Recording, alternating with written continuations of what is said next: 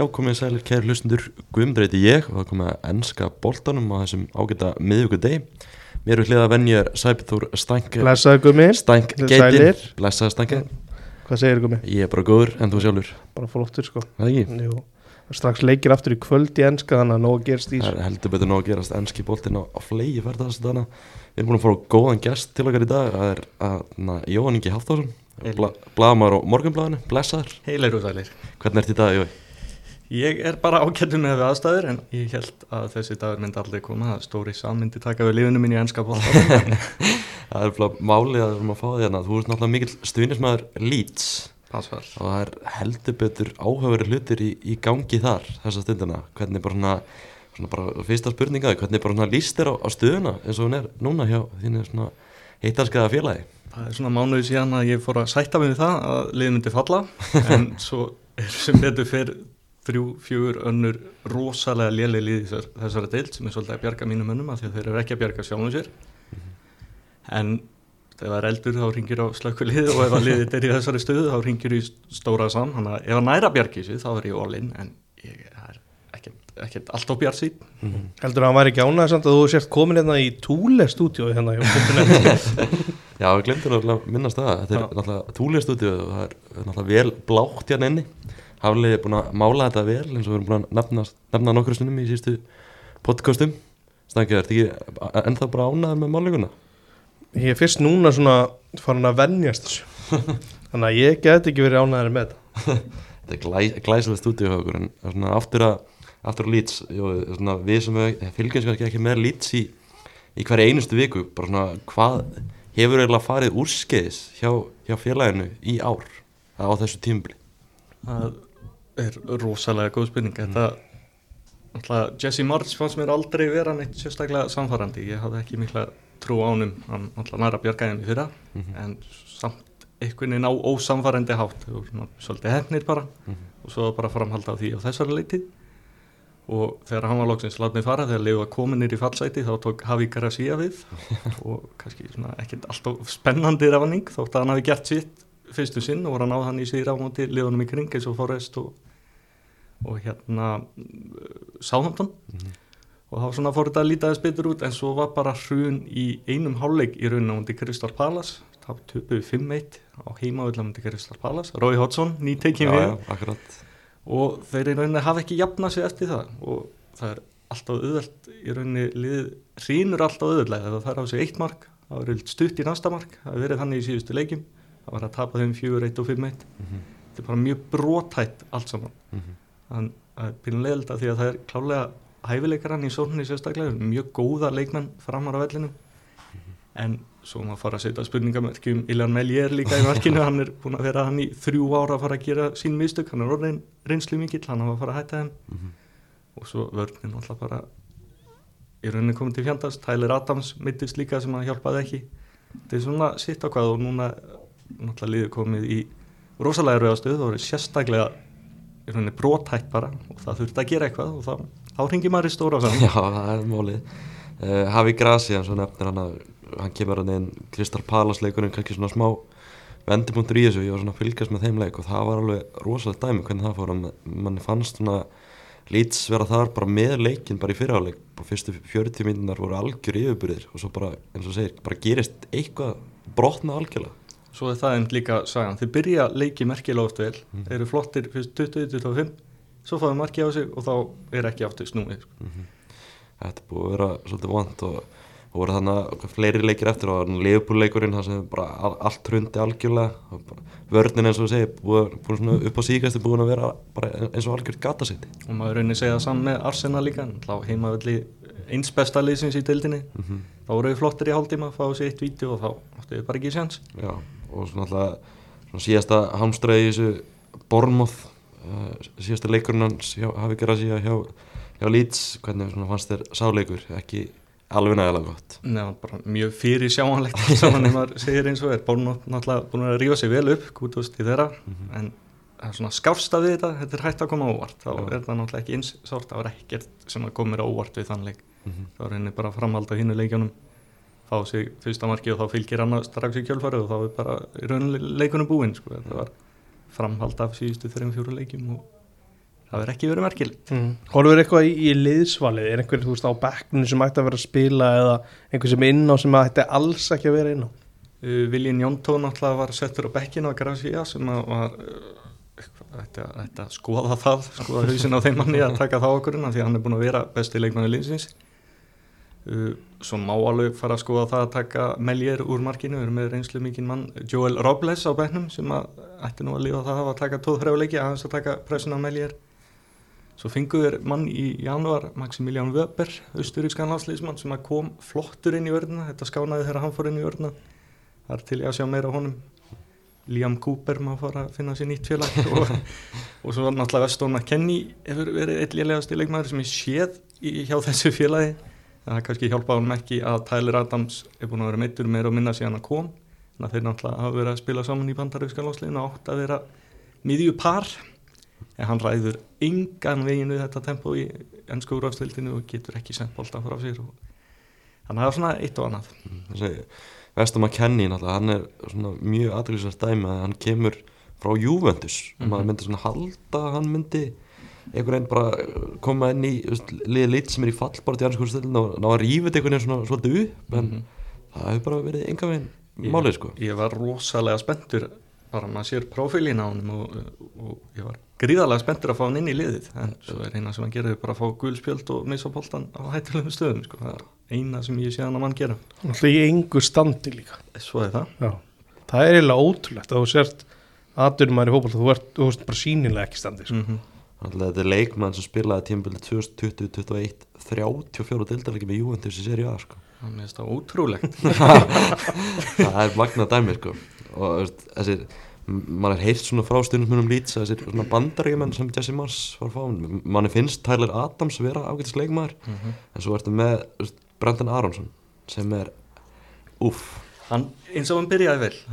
Já, mann fannst svona, mann síndi góða rispur í uppaða tímbil sko. og sérstaklega þá var hann á 3-0 sigur á Chelsea snemma á tímbilinu hann var ógeðslega góður skoraði mm -hmm. eina mark hinga til í þeim leikinu mm -hmm.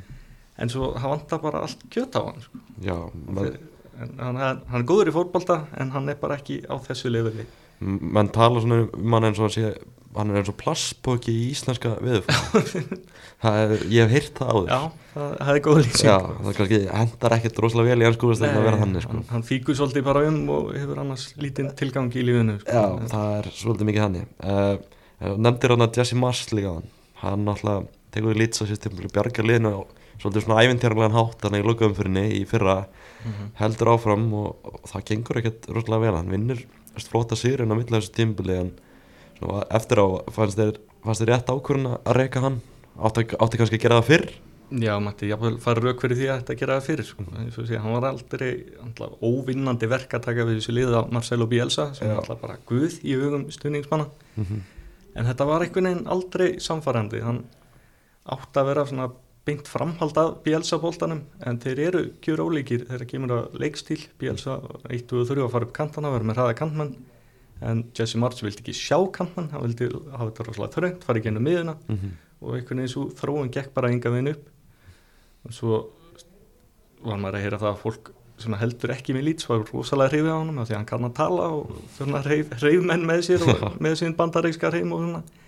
En þetta var bara ósamfarrandi Já. En kannski máli er að maður vildi hafa ykkur annan en hafi Gracia tilbúin til að taka við. Hann var svo sem Gracia var kostið nummið 7 eða svo, þessu var allir nei. Og voru nokkur annar sem rættu við að taka við þessu. Það var hann að, mann nú ekki nafna hann hjá, hérna, ekki Vaja Kanu já, hann að Andoni Rála Rála, já, já. já. Mjög spenntu fyrir honum. Spennandi þjálfari. Já. og svo hérna Arne Slott hjá Fæinor, hann að gera góða luti þar. Já, búin að koma langt í Europa League og svona. Þannig að það hefði verið meira spennandi kostir. Mm -hmm. en ef það fyrir segja nei þá verður aftar, aftar, í, aftar í rauðuna Far ég af í Gracia sem gerði nú ákveðið sluti með vott Hann gerði það að vísu, það var FA Cup á svona. Já, en svo segir, hann var ekki afstu kostur á blæði Nei, hann er svona döfur, döf manneskja bara, bara döfur karakter. Maður er líka tekið eftir á begnum hann er ekkert mikið eitthvað að æsa sig og svo leið Nei, sko. og svo líka beigðan þá til 8.50 til að gera skiptingar fjögur eitt undir og menni svo Rodrigo á begnum og svona. Já. það er um þannig, ég vil sjá meira á Rodrigo mm -hmm. skjænsminn á Bamford. Mm -hmm. en...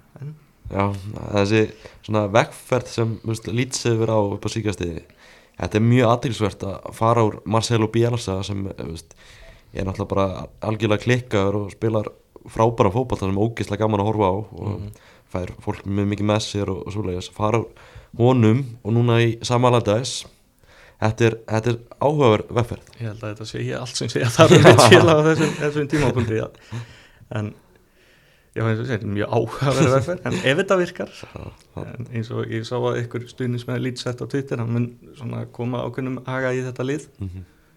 og kom með ákveði shape þannig að þeir kannski fá eins og eitt innkast á, á móti mannsýsti sitt í næstum fyrir það, það er spennandi. Nákvæmlega, og það var líka fréttir að ég gera Viktor Orta sem búin að vera yfir maður fótboltamálaðan í nokkur ár hann sagði, eða veist, var, var samið lákur bara maður tólka það þannig að hann var bara reygin mm. -hmm. uh, í gær mm -hmm.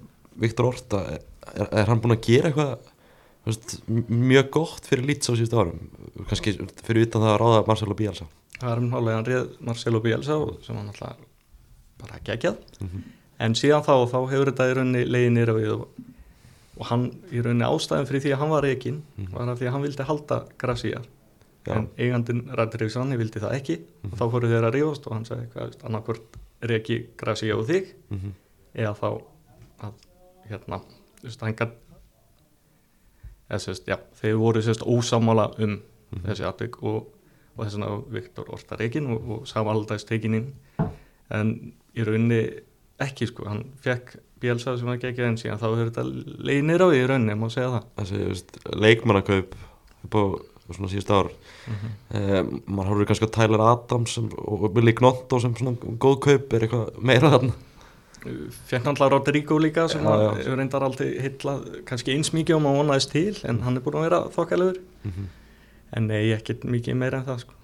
maður, Þannig að maður vildi náttúrulega sjá enda hvað í nýjunda sæti í fyrsta tímpili í, í ennsku úrvastildinni ja, og maður vildi fá svona hitta jafnega með að það er hitt Mhm.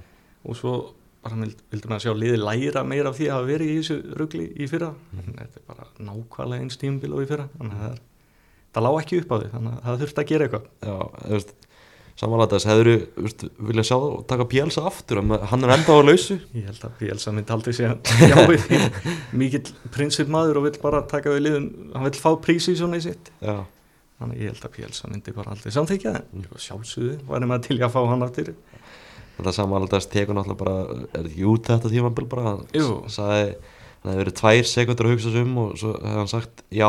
Hann er náttúrulega áður komið inn í svona starf þar sem hann er bara bjargarlegum frá falli og hefur gengið ágætlega í því.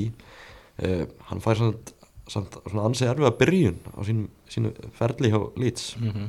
Mann sitt í fyrsta leik. Heldur betur Newcastle á höfti því. Hversu eftir því. Veist, hvernig, ertu vongóður um að hann takist að, að bjarga þessu? Nei, það er ég ekki. Ekki þegar maður horfir á næstu leiki. Mínir menn eru aldrei að fara að gera neitt á, á Etihad svo ég segjum bara alveg eins og er. Já, já, það, það er ekki mörglis að gera það sko. Nei, og jú, kannski tapa með tveimu mörgum minna en Grafsíða hefði gert en, en Newcastle á heimavilli svo sem alveg hægt að ná í ná í gott stíg þar en harka eitt stig. Harkin eitt stíg þar og svo Vestham á útivelli sem að þetta held að vera bara 50-50 leikur. Mm -hmm. en þá er náttúrulega eru liðin fyrir það kannski búin að sækja ykkur stíg Mm þannig að ég er ekkert allt of bjart sín Já. þannig að svo tóttinam í lokaðum fyrir henni það er möguleiki þar. Liðin, liðin svo Liverpool hlæja á tóttinam en ég get ekki verið það það er ekki sami lúksus hjá mér það er, það er svona hættulegur síðast í anstæðingur en maður er svona neðalega mm. þannig að ég, ég hef verið bjart sín Ef gríp boltanæs með sitt í uh, þeir að horfa upp á ykkar besta eða næst besta leikmann frá því fyrra Calvin Phillips. Sí, hann bara situr hann á bekknum og spilar ekkert. Súrt. Já, mjög súrt, líka uppalinn og, herra lýts svolítið. Og en kannski kemur ekkert brjálagslega óvart heldur með Rodri hana sem er bara miklu betri mm. Kalli Phillips er rosalega fýtt nú og var góður í þessu lýtslið en þetta kemur ekkert sérstaklega óvart af staðan sér svona Jón maður kannski vilja að hann myndi bila aðeins meira en svo er Gardi Óla búin að vera nánast að gera grína hann og kalla hann feitan og eitthvað það er svona búið að fara svolítið illa með hann Mm. En jú, þetta er svolítið, svolítið súrt og vera orðan við önnur lið núna, Liverpool og Aston Villa Mm. og eitthvað svona. Leiðilegt að sjá hann í einhverju öðru ekki reysa liðið síðan bara eftir eitt ár sko. mitt Já, akkurat Já, staðan er ekki góð hjá Leeds það er kannski bara huggarið við að það eru, það eru verri lið í dildina akkurat núna Já, svona bara jafnléleg í rauninni sko. ef við vorum á síðustu fjóra-fimm leiki þá er eiginlega ekkert lið lélegra en mínu menn mm -hmm. en svona yfir var- Já, Evertón Já, Evertón er ekki búin að góða það Þið eru núna sett, fyrir ofan fallsvæði á markatölu. Já, uh, fyrir ofan, þeir eru með jafnmörgstu á Nottingham Forest og Leicester þeir eru í 17. seti uh, fyrir ofan Nottingham Forest svo er Evertón hann með 29 stig og, og Southampton náttúrulega bara fallið eiginlega ekki mm. búið gott hjá þeim. Uh, en svo segir þessi síðustu fjóri leikir þetta verður alveg helviti trikki. Það er nefnilega málið. Þetta væri, ég væri bjart sýtni ef að leikjaplani væri aðeins öruvísi, ekki nú orðað þannig en það er svolítið erfitt að vera með tipi uppi þegar að það er mannsætti sitt í útíverð í næsta leik og þú ert að dara uppfallsæti sko. Já, nokkulega Sá, Ég sá að hann að, að, að þess að fann að mynda starfsteimi sitt hann er búin að fá Robbie Keane hann inn. Já, það er, það er, er gaman. Ég sá hann ekkert um það Sami Lee var í mættir, er það, er mikil vonbrið en að Robby Keane getur kannski kent Luke Eiling að taka fagnir almennilega taka kornísinn og, og getur þjálfa hann aðeins í því. Luke Eiling, það er kannski svona áhugavert af mér að Máni og mjög hrifin á honum það ekki? Ég ætla til að byrja með ég veit ekki hvort það sé sa- Já, prifin hann um í dag, ég þekki það ekki Ég sko. var, ég var að horfa á hann að það múti Krista Páðsson daginn Ég hugsaði bara guðinu góður sko. En það er einmitt með leikmannamál, það kom inn danskur landsleismæður fyrir þetta tímavil Rasmus Kristjánsson, Mm, hann hefur ekki getað raskat, hann var ógeðuslega Já. og þess vegna er Luke Eiling valinn fram yfir hann. Mm. því að Luke Eiling, hann má svona deila um það hvort að hann sé enda með geði til að vera í þessari dild mm -hmm. en samt betra en þessi Rasmus Það má deilum það en við vitum allir svarið Það er kannski máli líka Jesse Mars og Viktor Orta Þeir voru einhvern veginn bara að taka svona einhvern veginn vini Jesse Mars bara úr Red Bull Akadíminni þátti líka að vera svona, kölluðu þetta Lester Já. að fá að selja dýrt, kaupa út dýrt og, og reyna að fá svona resave value svo við slettum aðeins mm -hmm. það virkaði með Rafinha til dæmis fengu hann út dýrt, ógeðslega góður seldan dýrt, Mm -hmm. en það er svolítið erfitt til frambúðar Já, já. að gera það Mhm. Og kannski líka í janúar fengu Georginio Rúter frá Hoffenheim. Hann er búin að koma sterkur inn. Var dýrasti leikmaður og er dýrasti leikmaður í sögufélagsins hann hefur fengið um það vel 70 mínútur og hefur bara varla á tæknaða sendingu í, í nýjum treyni þannig að kannski ekki það sem að liði í fallbaróttu vantaði í ánúar eitthvað svona fyrir framtíðina. Er svona maður hugsa á hvernig hluti aðeins betur. Úf, maður, ég var bara að gleyma þessum og Rúti sko. ég, ég líka hann er búin að vera enn í hálftíma og ég var að minna Já. Hann er ekki búin að koma góður en Patrik Bamford náttúrulega var svona horfir á þetta 2020-2021 tímbil hjá hann bara hugsar, hugsar. Ja, þetta var bara tímabil bara lífsins hjá hann Já, þetta var það sem að held að Harry Kane yrði hann var one season wonder. En, en hann er ekki Harry Kane. Nei, hann er ekki Harry Kane það er, er svoleið, kannski það besta sem Bielsa gerði hjá Leeds var að ná honum svona rosalega í gang. Já, og hann náttúrulega skapaði Calvin Phillips eins og við þekkjum hann dag. Já. hann var ekkert sérstakur á hann að Bielsa tók við og var eitthvað svona átt að vera sóknarsinnaður miðjumæður og skildi ekki hvað hann var að gera í þessu lið en svo kom Bielsa og Mhm. gerði hann að þeim manni sem hann er í dag. Hann hafði kannski það, það tönt, Bamford og Phillips og, og Luke Eiling var nú góður undir stjórn Bielsa líka og, og, Luke Eiling var bara lík one leikmaður Já, og hann já, og kannski gleymið svolítið að þegar að Bielsa tekur við, hann er að taka við leikmannahópin sem var búin að vera bara um miðja deild í þessari Championship deild og ekkert að gera sig líklegt til að koma upp Mhm. fekk ekki það marga leikmenn til sín hann bara gerir leikmenn sem hann hafði betri Mhm. mm gleymið stundum að það er starfþjálfar hans það það er ekki alltaf bara að kaupa að kaupa Mhm. þannig að hann, hann gerir ímislegt þannig að Jú Bamford og er einn ein af þeim góðu hlutum sem hann gerir klárlega. Hvern, Hvernig er bara úr stemningin á þú veist, þessum lítið spjallborðum og þessum grúppum og bara í kringum Elland Rót líka núna Lítstundismenn er náttúrulega hörðust á Englandi sko. Já, svo það fjall ekki vel í kramið að búið að hækka ársmiðaverð og þá fórum menn að taka myndir af vellinum og búið til þráðu því er meðal annars búið að vera frósið piss á einhverju klósettsetu í svona hálft ár Shit. og svo er eins og einhver hafi komið hann inn með vélbissu og byrjað að skjóta er allt, eh, hann byrjað að sjá vel á vellinum Mm.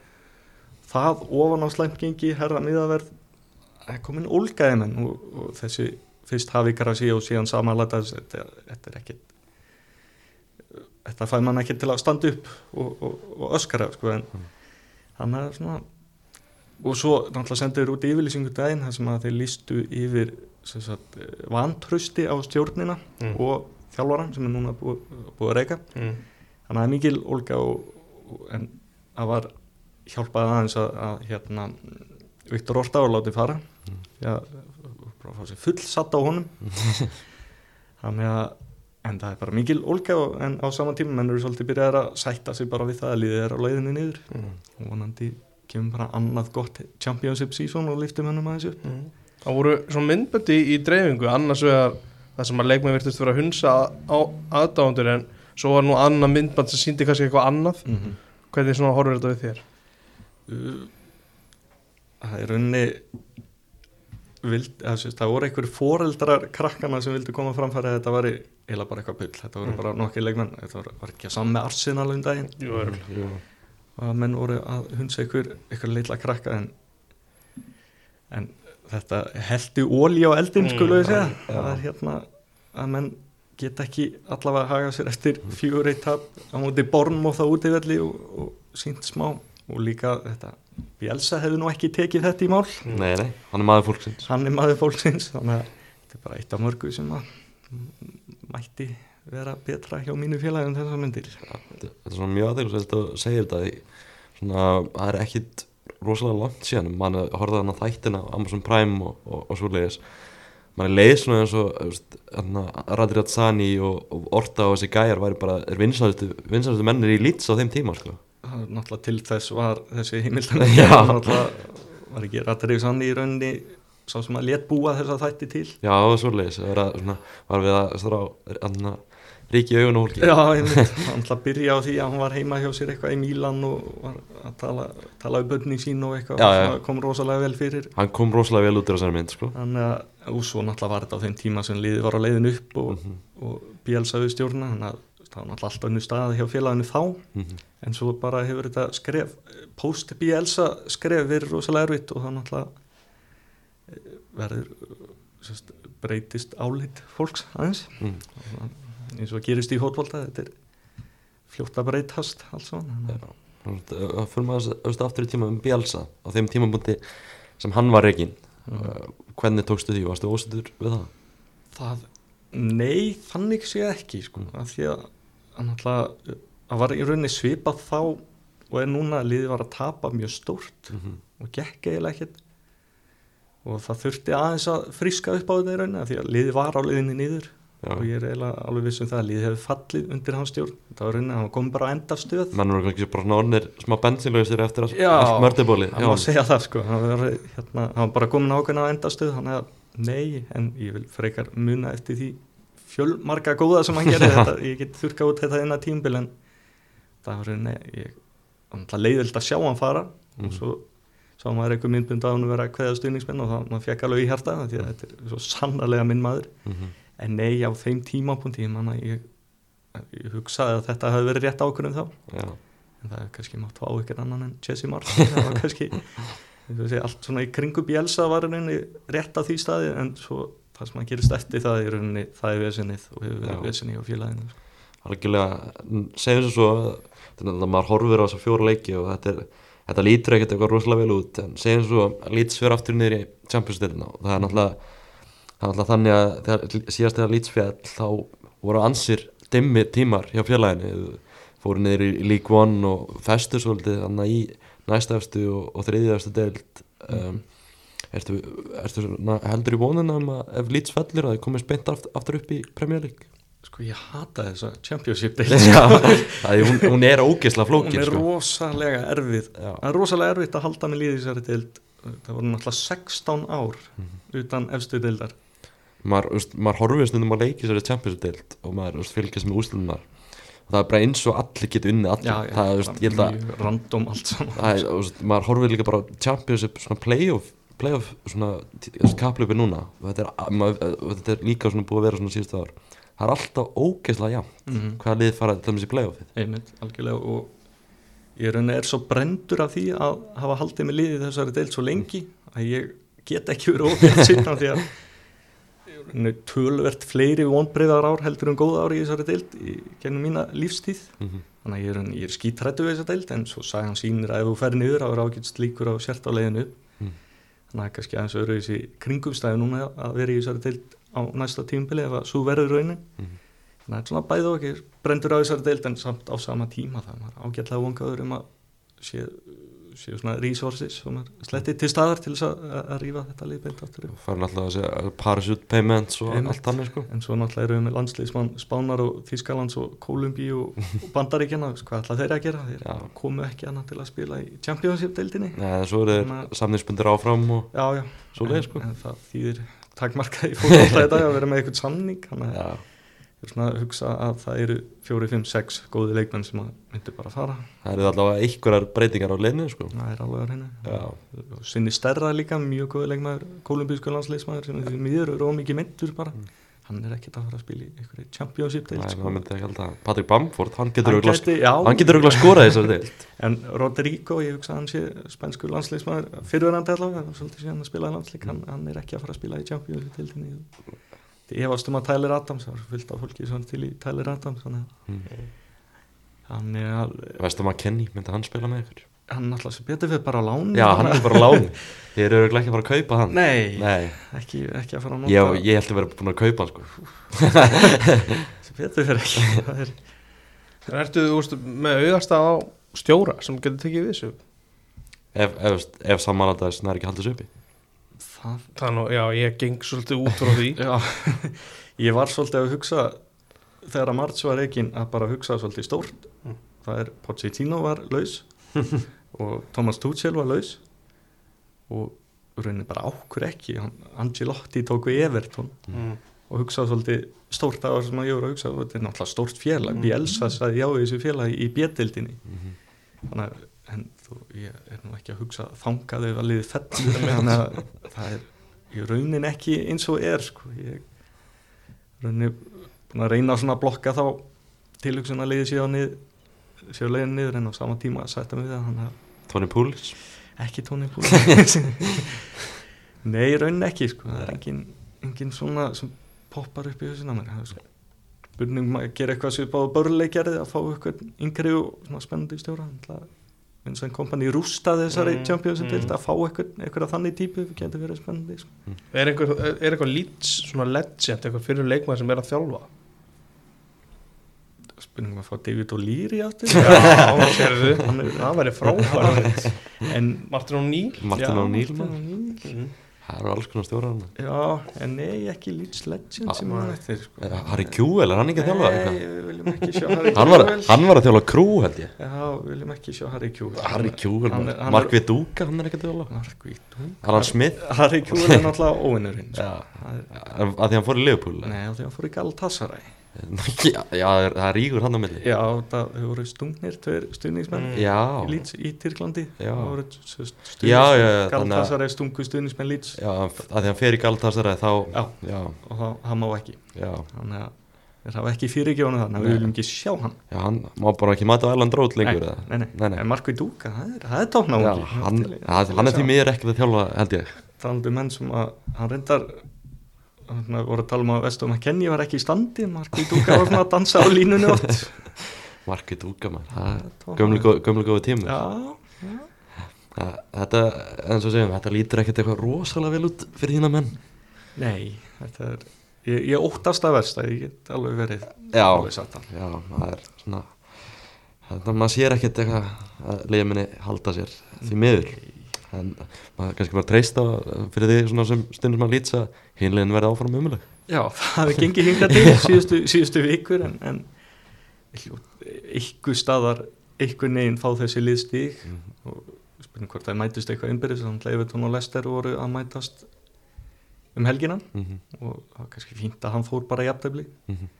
en getur ekki treysta á liðin hinn liðin skíti endalust nákvæmlega. Uh, Mér er persónulega ógeðslega gaman að að samanlega þessi meitt, mættir aftur það er svona ákveðin svona bylting í gangi í ennska boltinu núna þeir gömlega að mæta aftur Neil Warnock og og þarna Roy Hodgson og fleiri við mættir þarna í ennska boltan Varst að búast við þessu fyrir tímubilstanga? Alarda sem kemur eftir Nei, allir þessir meistarar myndu að mæta aftur. Nei, nei, ég var eiginlega vonast til að það myndi ekki gerast Þetta er bara komið einhverju sömugumli ringi ekki aftur sko.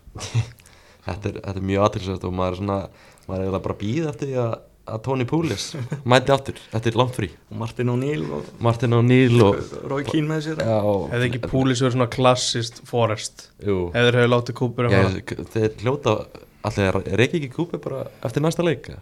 Ég veit það ekki. Taki Tony Poulis inn, síðustu leikina. Það er eitthvað maður.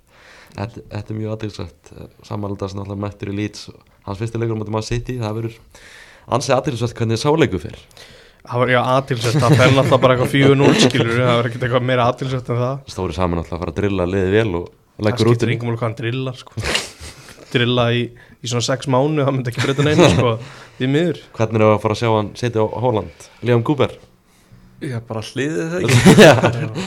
Það er bara þannig. Eh, þeir eru náttúrulega með Holland vöpin. er náttúrulega lýtsari Hann, já, heldur betur, Já. fættur í Leeds. Já. og hefur sérst þegar hann var hjá Dortmund þá mætti hann átt á æfingar í Leeds stuðbuxum hann hefur líka að tala heldur vel um Leeds Já, hann, og líka eftir, það var ekkert maður landsleikur á melli Normanna og Norður Íra þar sem Mm. hann hitti Stuart Dallas eftir leik og hann var bara eins og lítið stelpa að sjá Justin Bieber sko. Já, ég held að þetta myndi gefa ykkur það að hann skorar örgla þrenna múti Já, heldur betur, já. kannski fagnar aðeins minni Já, getur verið. Það, er, það er bara svo leis hann sem segir Holland hann er hann er, hann er Leedsmaður inn á benni Já, það er bara það er bara hann hann skoraði samt á Elland Róðmanni og hann svona fór rólega í sakinar eða fagna. Ræturnar. Rætundar sko. Hann var leikmaður Leeds þegar hann fættist þannig að Já, hann fættist náttúrulega í, í já, Leeds fættist í borginni og, og var ykkur tíman þegar hann var hérna, fór ekkert tíman á, á reynslu hjá en ákveða að semja ekki við hann. Já, það eiginlega eðlilega. Hann er mjög sniðut Já. Það var kann, sennilega á rappara tímabilið sem ég skil þá alveg að hafa ekki tekið hann sko. já, það er bara svo leis stækjum þetta allt á já. það er bara hann uh, fyrir kannski aðeins í hínaleginu sem vorum helgin núna. Leopold Tottenham það var sköldlega leikur endaði fjöð þrjú fyrir Leopold. Uh, alvöru upp á tími. Jörgen Klopp hefur mikið með tannan á fólki eftir leikin hann var ósættu við Pól Tyrni í dómara. Og ákvað að fagna segumarki, dramatísku segumarki Leopold með því að fara upp að fjóladömjónum öskra í andið á honum. Og svo tóknaði hann aftan í læri í leiðinni Það sem að eina sem er hægt að finnastu þetta er bara hversu gjörsanlega galin hegðum þetta er Bara í hvaða heimi gerur þetta þú ert að vinna leik fagnaði bara með þínur fólki sko. Þetta er bara gjörsanlega galið sko. en ég er, ég er enga vinn á því ég er eins og hann að það var einhver hugmyndum að draga einhver stiga það er bara, það er bara galið dæmi sko. það er bara farsi ef það innið einhver niðurst það sko. Já, það er alltaf svona rosalega fyndi sko, að Já, sjá já. hann taka sprettin og fanna til í lærinu og svona, þetta, var Já, mér, ég hugsaði eiginlega bara að þetta er bara gott á því sko. hvað, er þetta að gera sko? Þetta var svona, heldur, bara besta dæmi sem ég bara séð, bara karma þessa bitch Já, Það er bara svoleiðis og- Já, hann hann, væri frá í sex vikur segir hann já, hann sagði það að fyndi gera, hann væri leikmaður, það var hann frá í sex vikur uh, hann að, eins og nefndir á anstangi, hann að formar stuðningsfélags dómara, hann vildi Stuðin, já, pældi þú veist, að það sé til. Já, þetta, þeir þurfa að vera með sína stuðningsmenn. Uh, hann laði til að Leopold að eru tekinn stigaði út af þessari hefðin Já, ég, ég, þú veist, ég elska ekki Liverpool sko, en það mér finnst þetta gjössalega galin bæling sko. Já, þetta er skrautlega pæling hjá þessum mikla meistara. Uh, Þessi leikur samt, hann var alveg rosalega Leopold kannast hann í 3-0, missaði hann í 3-3 Richarlison með jöfnunumarkana í upp á tíma. Jú, hann hefur verið flottur hjá Tottenham, saman miklu meistari. Richarlison, ekki fyrsta markið hans bara- Fyrsta markið hans fyrir Tottenham sko. Í. Já. og sjálfsög fór hann beint þetta var fagn, fögnuður að hætti húsins hann má eiga það Já, tók, tóku hann að kjúklingadansinn og svo svolítið skammustulegur þegar að séu markið kom. Úf, maður. Leiða, tíu sekundur og þá var Diego Jota búin að skora sigumark Leopold Þetta er, er bara einhvern veginn svona saga. Tottenham upp á síkasti stangja Já, ég hérna Lukas Moura hann er eiga tímabil til þess að glema alveg bara, Er hann eitthvað að spila? sko ég held að síðast þegar spilaði þá fekk hann beintur aukt á móti Everton Mm. og svo kemur hérna inn á í uppbúttíma og gefur mark þetta er bara, þú getur ekki skrifa verra handrit sko. Þetta er ekki búið að vera gott hjá Tottenham að- Ryan Mason og félagar hann að fögnu ákaft eh, þessu jöfnu upp á tíma sko þetta er annar leikurinn rauð sem á gjössalega snúa á haus Mhm. bara búin að vera ömurlegir Mhm. í byrjun leiks á móti Liverpool voru, þeir voru vissulega aðeins skárri í fyrirháleiknum móti United Mhm. en þeir, þetta var allt annað dæmi þegar að leiða leikin Mhm. bara annar leikin í röð sko. klálega sko en þetta endaði nú ekki vel fyrir Nei, þetta er sam samanlegt eitt stík úr þeim leikin eitt stík, það er bara að- svona þessar ræður gáðu ekki meira það. Nei, Pól Tierney, hann dæmdi hann að leik og menn að segja svona á leifbúl síðan hann að viða internin að búið að taka saman svona alls konar dæmi um en hérna er, er, er ekki niðurst að samt bara Jörgen Klopp fyrir bann eða? Jú, hann er á leiðin í bann, Já, það er bara- búið ákjær hann. Er á leiðin í bann fyrir þetta. Það væri bara gjössanlega gali sko. en hann heldur að Pól Tierney sé með eitthvað á móti sér og sé að dæma á móti sér. Hann sagði það eftir leik. Já, það, það eitt og sér þá er hann að saka dómarinn um að svindla mm jú. erum við ekki búin að fara yfir ég- það oft Ég hugsa Ha. allavega þannig ég myndi halda það Já. það er graf alvarlegt að mér sko. Ég held að, ég held að hljóta að taka það með inn í ákjöruna að hann sé að segja það eftir leik Mm. og þessi náttúrulega heiðun að liðurinn minnum hann á stuðningsmenn spjallbör stuðningsmenn að eitthvað svona samsæriskenningar um að þess, hinn og þessi dómarar séu á móti sér þessi bara tómþæla sko. Mjög skrítið að þjálfari sé að segja þetta Þannig að menn, eins og ég segi, menn svona á liðbúl síðan við um interneti hafa tekið saman eitthvað svona fullt af dæmi hvernig Pól Tíni hefur dæmt á móti þeim og eitthvað svo leiðis mm. það er kannski betra að við ræðum bara Pól Tierney í þessum leik Já og var kerfið sem að aðstóðan því miður ekki neitt Mhm. við, vor, við sáum tvö alveg gjössanlega bara stonewall rauðspjöld í þessum Mhm. leik sko. bara ég, skil, ég skil þetta ekki og náttúrulega núna, núna er ég að fara í samsæðiskenningan því miður við erum búin að horfa á okkar besta djúpa miðjumann í deildinni Casemiro. Fara í tvisasinnum í langt bann út af bara þvælu með við þetta. Mhm. hvað, þú veist, var ekki, var ekki Jóta sem fór í hausinn á leikmanni á Oliver Skip? Jú, og svo var hérna, svo var einhver sem að hver hamraði í öklan á, á leifbúlmanni, ég man ekki hvað tóttunum að það var Nei, það það var, það var, þetta var bæði alveg púra rauðspil var það ekki skip líka? Gott ef ekki nefnilega. Já, þetta, mér finnst þetta bara galið, sko, ángríns dómgæslan í Englandi, hún er skröðleg já, hann kannski verið að jafna út það er ekki hægt að gefa raukt á spjald á mann sem átt að vera að fara út jú, jú, svo er það. Já, en þú veist, hvernig fær Jóta samt ekki rauðspjald já ég, ég, ég, sammálaði það sko. Já, líka eina sem hann byður um er bara samræmi sko. já, já. En það var kannski ákveðið samræ, samræmi því að Erling Haaland fekk ekki rutt þegar hann fór í hausin á, á Vestergaard fyrir á tífumbilinu. mhm. Þú veist, þetta er, en við munum nú hvernig, ef við, ef við förum lengra tilbaka þegar Lewis Nanni fór í bring, bringuna, bringuna á leikmanni, hvað var ekki, hvað er Real Madrid því? Ertu ekki búin að gleyma því? Nei, nei, ég mun aldrei glemma því. Þetta er samsæri. Salla sem fór í Edison og þarna. Það er ekki manni manni, já, manni, manni, það er rétt Já, En þú veist bara, ég- þú veist, þetta Jótatir er náttúrulega bara, þetta er bara stór hættulegt. Já. Og eh, þú veist, hættuspark í haus. Og svo, þeir fengu endalist að tækja fyrir um til að skoða þetta, sko. en svo segi ég bara eina sem að byrjum í þessu er bara samræmi Já, en það kannski orðið það, bara fótur í haus er ekki rautspjöld. Gæti verið. þá getum við það er menn lagt þetta upp Leopold vinnar hann að flottan sigur þeir eru eins og staðin er núna að fara í Europa League ekki í Conference League Trent áfram, Trent Alexander áfram frábær í nýju hlutverki hos mér, er mjög góður í þessum Mm. uh, svo er náttúrulega í gær Arsenal vinnur sigur á andlösu liði Chelsea bara ég fór svona pælið sko, hefur eitthvað tíman verið bara lélegra stórlið í ennsku úrvastinni en Chelsea? Veist, við erum að horfa náttúrulega fyrir tímabil á Chelsea sem svona eitt af top 6 sjö liðunum.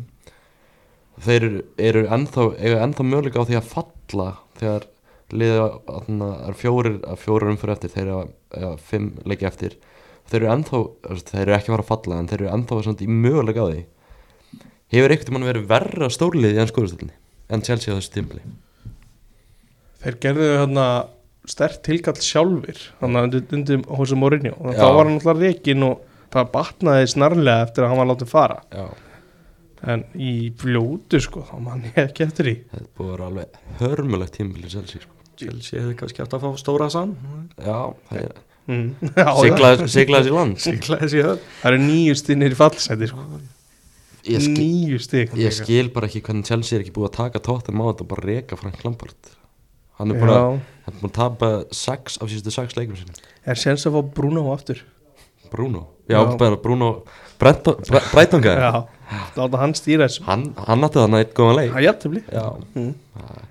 Sem að Chelsea, og leikur sem að Chelsea átt að vinna sko. Já, það er Chelsea átti klálega að vinna Mm. mm. þeir eru komið tvö mörg núna undir stjórn Lampard ég. Held það, tvö, tvöföldun. Úf, maður kannski ekkert sem kemur sérstaklega óvart að lýsja strögla svona Frank Lampard er ekkert að fara að koma inn að bjarga neinu sko. þú er ekki trefin að Lampard til Nei, mér Leeds finnst það er bara ekki, ekki í máli. Nei, nei, Frank, Frank Lampard maður, hann er ekki að hjálpa sér sjálfum held ég líka á þessu tímabili. Hann er bara náttúrulega gerði ekki góða hluti með Evertón og bara enda með Chelsea hann bara búin, búin að gera hörmulega hluti þar og allir, tók ekki Tiago Silva eitthvað gott randarna fyrir leik? Jú, hann, let menn heyra það, hann er svona hann fær að tala aðrir, aðrir þegja. Hann er kannski svona einhvern veginn eini maðurinn í þessu Chelsea liði sem getur svona gengið einhvern veginn ágætlega stoltur frá borðið, búin að vera svona skástur kannski. Ég held að hann samt gera það ekki sko. Nei, kannski ekki. Ég ætla bara eiginlega að loða þér því sko. Já, En svo þessi sagt þá var þessi tækling frá skip þá hamraði hann í öklana á hérna Luis Díaz. Já, svo Leopold menn sé ekki alveg trilltir en það heima að lusta sko. Já, en eins og þessi hörmulega tímbili á Chelsea og þeir með að bara sk- skamma sín Todd Bowley, hann er búin að kveikja í þessu og hvernig, spurning hvernig er svara í svumar og það er að slökka og elda, byrja á því. Já, heldur betur, þeir verðast alltaf að ráða Mauricio Pochettino sem nýjan stjóra. Ég held að það geti verið ágættisráning já, já, já, og hvað er nagilsmann að taka tóttina það? Mm, Er það ekki- Gæti verið. En þeir, ég- það nýjasta sem maður lesi er að þeir séu búin að setja Xabi Alonso efstan á sinni lista. Mm. sem er svona mjög ég er þetta pæling. veist, veist það góð pæling sko. Já, maður, góður hjá Leverkusen Já, Það var góður, sko. gaman að fylgjast með hann er Xabi Alonso, Vincent Kompany, Julian Agasmann maður er hýrt þessa mest hjá Tottenham sko. Já. Pochettino verðist vera Don Deal hjá Chelsea þannig hvernig líst okkur á það? að mér líst bara mjög vel á það. Fyrir, svona fyrir hönd Chelsea að Pochettino takki við þessu já, hann er góður í að vinna ekki titla Já, hann nefnir bara kemur kannski inn með smá stöðuleika og eitthvað já, þá þá að vera hérna, umhverfi fyrir stöðuleika sem að, sem að bara Todd Bowley hefur ekki bóðið upp á bara því miður Nei, Todd Bowley þarf að það þarf eitthvað bara að halda utanum hann Er það versta ákvörðun tímabilsins þegar hann létt tókvel fara? Bara Já, af öllum bara- ákvörðunum? Ég held að það sé klálega besta ákvörðum tíðanbjörnsins það er bara fáralega ákvörðum sko. Alveg klálega og Todd Bowley hann er nú sannlega ekki vinsall hjá stundum með Chelsea þess að En já, það skal sagt að Arsenal bara, þetta var auðvelt fyrir það Já, þeir eru komin aftur á toppin endur um til toppsræti Aftur orðin líklegast? Nei, nei, Nei. City spilaði ekki. Ég ætla, aftur, ég ætla að gíska að í endur um til toppsræti Jú, er þetta City spilaði, já, uh, þeir eru, hva, hvað er sitt að mæta í kvöld? Þeir eru með leik á móti þarna, vestam á heimaðli þeir klára, klára það Það er samt sínda veiði, sko. Nei, ekki- þeir klára það ekkert bull. Hefur séð Móis á undarförinu hann, hann er ekki gefað sig til anstæðingar Já, City fyrir aftur á toppin í kvöld. Uh, það var líka hann um helgina Master United vann 1-0 sigur á Aston Villa. Casemiro, hann að vera í svona smá lagið upp á því, hann var góður í þessum leik. Já, en ef það var einhver góður þá var það svíin í vörðinni Lindelöf. Viktor Lindelöf bara búin að vera virkilega góður. Já, Sumi vilja svona, ekki horfa of mikið í þetta en ég vil aðalega horfa í það að hann er ekki að spila við hlið Harry Maguire Já. og það er að hafa virkilega góð áhrif á hann Jó, myndir þú taka Harry Maguire í Leeds eða? Ég, er til- Nei. ég til í að gefa þér hann Nei, nei, nei, þú mátt eiga hann bara Hann sko Ég, shit, Jæja. sko. ég, ég vona bara að sá Pældi því Leeds vill ekki taka við hann Já, úff, Frítt. þetta er orðið ansi vond sko. Það er ástand Já, uh, ég vona bara að hann spila ekki eina mínútu í viðbútt fyrir maður Bruno Mar- Fernandes með sigurmarki á mandi ástofila Hann er búin að eiga frábært tímabil. Já, hann er bara búin að vera besti leikmaður liðsins. Bara heilt yfir. Rashford. Bruno, þú sér samt bara sóknarleikin það skiptir svo ofbáslega miklu máli að Bruno sé innvork mm að þú svona, okkur liðið er bara miklu skemmtilegra með hann innabors áhor, áhors Rashford kannski heilt yfir verið bara mikilvægri með fleiri mörg sko. -hmm. Jónættið núna í fjóraðsætti með sjöstöfum meira en Liverpool sem er í fymta og leikti góða þannig að þetta lítur ágætlega út. Uh, Núkasúl er í þriðarsætti eftir sigur á Southampton. Þeir eru á leiðin í meistarðelina það er svona gaman að því að fá Núkasúl í meistarðelina Jói. Já og nei. Það er hérna, kannski ekki mikil romantík í, í þessu ævintýri sem er í gangi á baku í tjöldin en jú, jú, gaman að fá nýtt lið í þetta og, og St. James's Park á Evrópu kvöldum verður örgulega magna Já, hann á eftir að rokka þannig Heldur að. Champions League. Held að held að vera bíluð stemning hann sko. Já, þetta verður rosalegt. Alexander Isaac hefur verið að koma svolítið sterkur upp inn á, upp á sigast að vera líka honum með Thierry Henry. Já, það það er alltaf verið að finna eitthvað svona snuð en er þetta ekki bara þannig að hann og Wilson funkar bara líka báði vel saman? Mm það er svona gefið þeim meiri viti í þetta Mhm. og eitt svona, þeir hafa svona tekið við keflun eftir að það sloknaði gjörsanlega á Mikil Almirón. Já, hann, hann hefur ekki látið sjá sér mikið upp á En líka Wilson eh, erfitt með að haldast heill. Og gott Já. að hafa æsakana akkurat. Já, góð breytti þessu hjá honum. Mhm. uh, Anthony Gordon, hann er ekkit að gera neitt mikið hann Nei, hann er ekki tekið núnda í hálfleik. Jú, hann er, úff. Það er það, til það best til hing, eða, þú veist, hinga til er það verstu kaupin í Newcastle alveg bara, Eftir eigandaskiptin já, bara langverstu Já, sæll, ég veit ekki alveg hvað það er að gera þar. Uh, Krista Pálas vinnur vestam í markaleik. Rauð Hoddsson heldur áfram að tikka inn stigum. Ég er að vona að hann verði bara áfram hann á næst tíðanbili Það eru mörgana líka. Já, hann er að bjóða upp á skemmtilegan fótbolta, sko. Free flowing Rói Hodgson. Serði ekki eftir bara að lítsa ekki tekið ákvörðina fyrr og ráðið Hoddsson Það hefði ekki fallið við á mér á, á þeim tíma. Nei, nei, nei, nei Þetta hefði verið, sko, hefði þetta ráða Hoddsson þegar Gracia var ráðin, það, það hefði verið áhverð þar. Brenton, Brentford, ekki Brenton, Brentford leggur Nottingham Forest sem er að hraðri niðurlega, Nottingham Forest ekki verið að líta vel út hjá þeim. er þeir á hraðinu niðurleik samt við erum, eins og við erum að ræða svo þeir bara Forest, Leeds, Everton er ekki bara tvö af þessum liðum að fara niður Jú, 100% Lítur út fyrir Vinna það. bara- Lester er líklegast að fara að halda sér sko Já. Vinna bara ekki leik Já. Vestam og Wolves og Bornmoth eru búin að bjarga sér. hann Það er eins með. Forrest og, og með Leeds að það eru annar liði í kring sem eru bara jafn léleg Þetta er hann að fjögurulega barða um næstu, um 18. og 19. sæti. Það er líka- Sáðan fallið, sko. Það sem að Úls gerði var að fá alvöru stjóra líka Já. Já, Já, Já, með já. alvöru bakgrunn og pedigrí sko, eitthvað Já. sem að ég vildi að mínu menn hefur gert Mm. í staðan fyrir að fá Garcia, það er það sem ég voru að hugsa. Gæða sem var að þjála Real Madrid og Já. spanska landslið. Akkurat, Þeir hafa gert nóg úlvarnir en þessi úrslutum helgina? Það voru ansið aðeins það komið mjög óvart að því að, já þess að segja, Wolves tapar 6-0 á móti Brighton. Uh, var ekki hvað, Mítóma og það var einhver annar leikilmaður Svolítið martsmögulega á byrjuð bara á bekknum. 6-0 þetta, þetta er þetta er mjög óvand að því ma maður er svona fyrst þegar maður hugsa um úlvana þá hugsa maður gott varnalið Já, já, og lélegt sóknarlið. Danni Velbeck skoraði tvö og Pascal Gross var líka með tvö Það er að segja spilar og Dennis Undaf gerði líka tvö þannig að Hunda var stimpla sinni loksins. Já, líka það er heila alltaf fjóri-fimm leikmenn sem að byrja inn á hjá Bræton sem ég hef bara aldrei hýrt Já, sko, bara hvar finna þeir þess að menn? Þetta scouting systemið hjá Brighton er það best í dildinni það er bara svoleiðis geðveik og ógeðslega gaman að Ég fylgjast finnst eiginlega að vera best hjá City sko. Þeir verður kaupa eiginlega geggja góða leikmann sko. það er á, áhugaður pælingan á stænga uh, Brighton já, ma- ma- ég get svona ímynda með að Brighton sé svona annar liði hjá ansi mörgum sem fylgjast með skólastelni það er það er mjög gaman að fylgjast með þeim. en það er kannski ekki aðnega mér af því að Bræton og Leeds voru mjög mikið saman í Champions þá var það til öð, öðruvísi rígar. Já, ég vil ekki sjá að Millwall fari upp í ennsku svona það sem að öðrum finnst það romantist finnst mér bara ræðilegt Milv og Leeds það er, það, það, það er svaka. það er leikir já, Það er einhver stungin, þið miður. Já, e- en svona helstu arkifendur Leeds, er það ekki mannstæður með þetta? Jú, svona sagan segir það en í- hjá stuðningsmönnum í dag þá líður okkur ekki beint annir sko. ég, ég, mis, ég var reyndar ógeðslega til í að sjá Leeds vinna mannsvistur United, Mm, það verður ekki gert síðan að hefur komið upp. Það er alltaf skemmtilega leikir. Já, það komist í 2-0 hann á á- fyrir á tímabilinu, það klúriði því. Mhm. En ef ég fengi að velja eitt lið til að vinna út í velli í þessari deild þá verður mannsvistur United og Old Trafford. En Mm. líkar verfið Millwall heldur en mannsvistur United sko, og, það er einhvern veginn hann með Milvola hans mörgum líka já, réttlega það sko. er svolítið hannig uh, svo lokum Lester Everton var hann á mándarskvöld ég fylgdist með uh, þeim leik. Það var hörku leikur. það var mjög skemmtilegur leikur að horfa á sko. 2-2 jættefli uh, það var svona mjög kaplaskipti leikur. Já, í stöðunni 2-1 þegar að Lester færi vítaspinnu Mm. þá held, maður að þetta væri bara komið Já. en heimavinnan heimaðunan, hún skilaði sér Hún skilaði pick-up. brúsin góði, hann var líka vel mert Já. en það var vel hægt að lesa hvað stóð á þessu brúsa sko. Já, það það var ekki, ekkert verið að skrifa þetta bara eitthvað með einhver, einhverjum blíjandi sko. það er ekki oft þannig að markmenn býða í miðun en hann var búin að vinna sinni þannig Já. sko. það, þannig gerði vel Þannig að Everton byrjaði þennan leik betur svo tók Lester einhvern veginn svona yfir svo var það hann í setnaðanleika Lester var með svona yfirhundina Já. ja, Everton jafnaði og svo Lester með yfirhundina svo voru Everton bara líklegir til að vinna leikin í lokin sko. það uh, er mikilvægt að vera með Dominic Calvert-Lewin sko. Já, hann breytir rosalega mikla skapar ógislega mikla hættu. Já, einhver sem getur skora mark.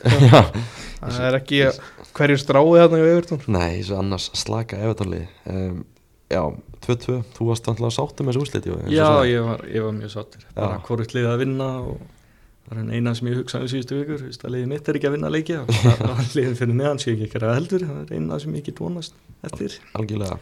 Uh, svona kannski bara lokum þannig að ertu búin að, pla- ertu að plana ykkur að ferða og ykkur að lýtsleika á næstunni? Uh, ekki alveg eins og er en ég fór á, ég valdi besta leikin til að mögulega fara á þessar leiti á fjögur þrjú á móti það sem Já. Bormoth var þrjú eitt yfir en mínir menn komið svakalegt kompakk og unnu fjögur þrjú. Hollywood bara skript sko. Já, það það var stórkostlegt. Mm. og ég hef verið að fara á svona einu sinna ári þannig að það var svona leikurinn minn í ár og mjög, mjög vel valinn. Mhm. þannig að ég fer öruglega á næsta tímli ég enda alltaf að þau fara, þetta er oft skyndi ákvarðanir bara, að Í Championship delni það er alltaf öðvöldar að fá miða við líka á björtulegana það það hefur verið svolítið erfitt að fá með það í ennsku úrstöldinni alltaf miklu fleiri sem að vilja fá miða en, en er í bóði sko, það er kannski svona 60.000 mann sem að vilja fá 30.000 miða, Mhm. 35.000 miða á hvern einasta leik. Þannig að ég þurfti að kaupa ykkur að rándýra VIP miða með ógeðsleiri tryggja réttamálti og undan og eitthvað. Það Ég ekki tala ítlum eins og þryggjar Ég er meira að sjálfur farið í þetta hann á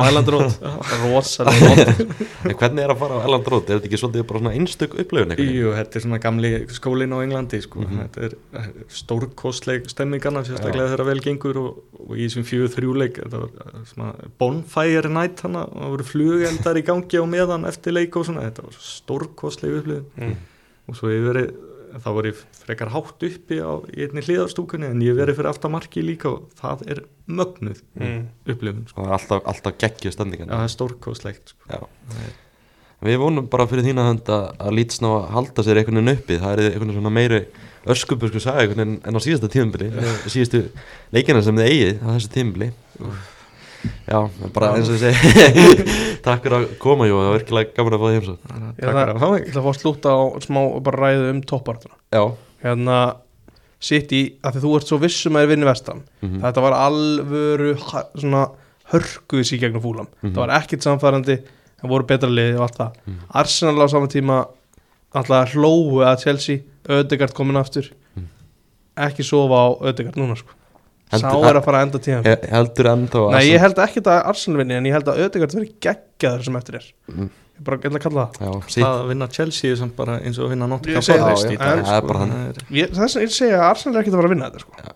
Ödegard Ekki svo honum. Segjum það. Takk fyrir að hlusta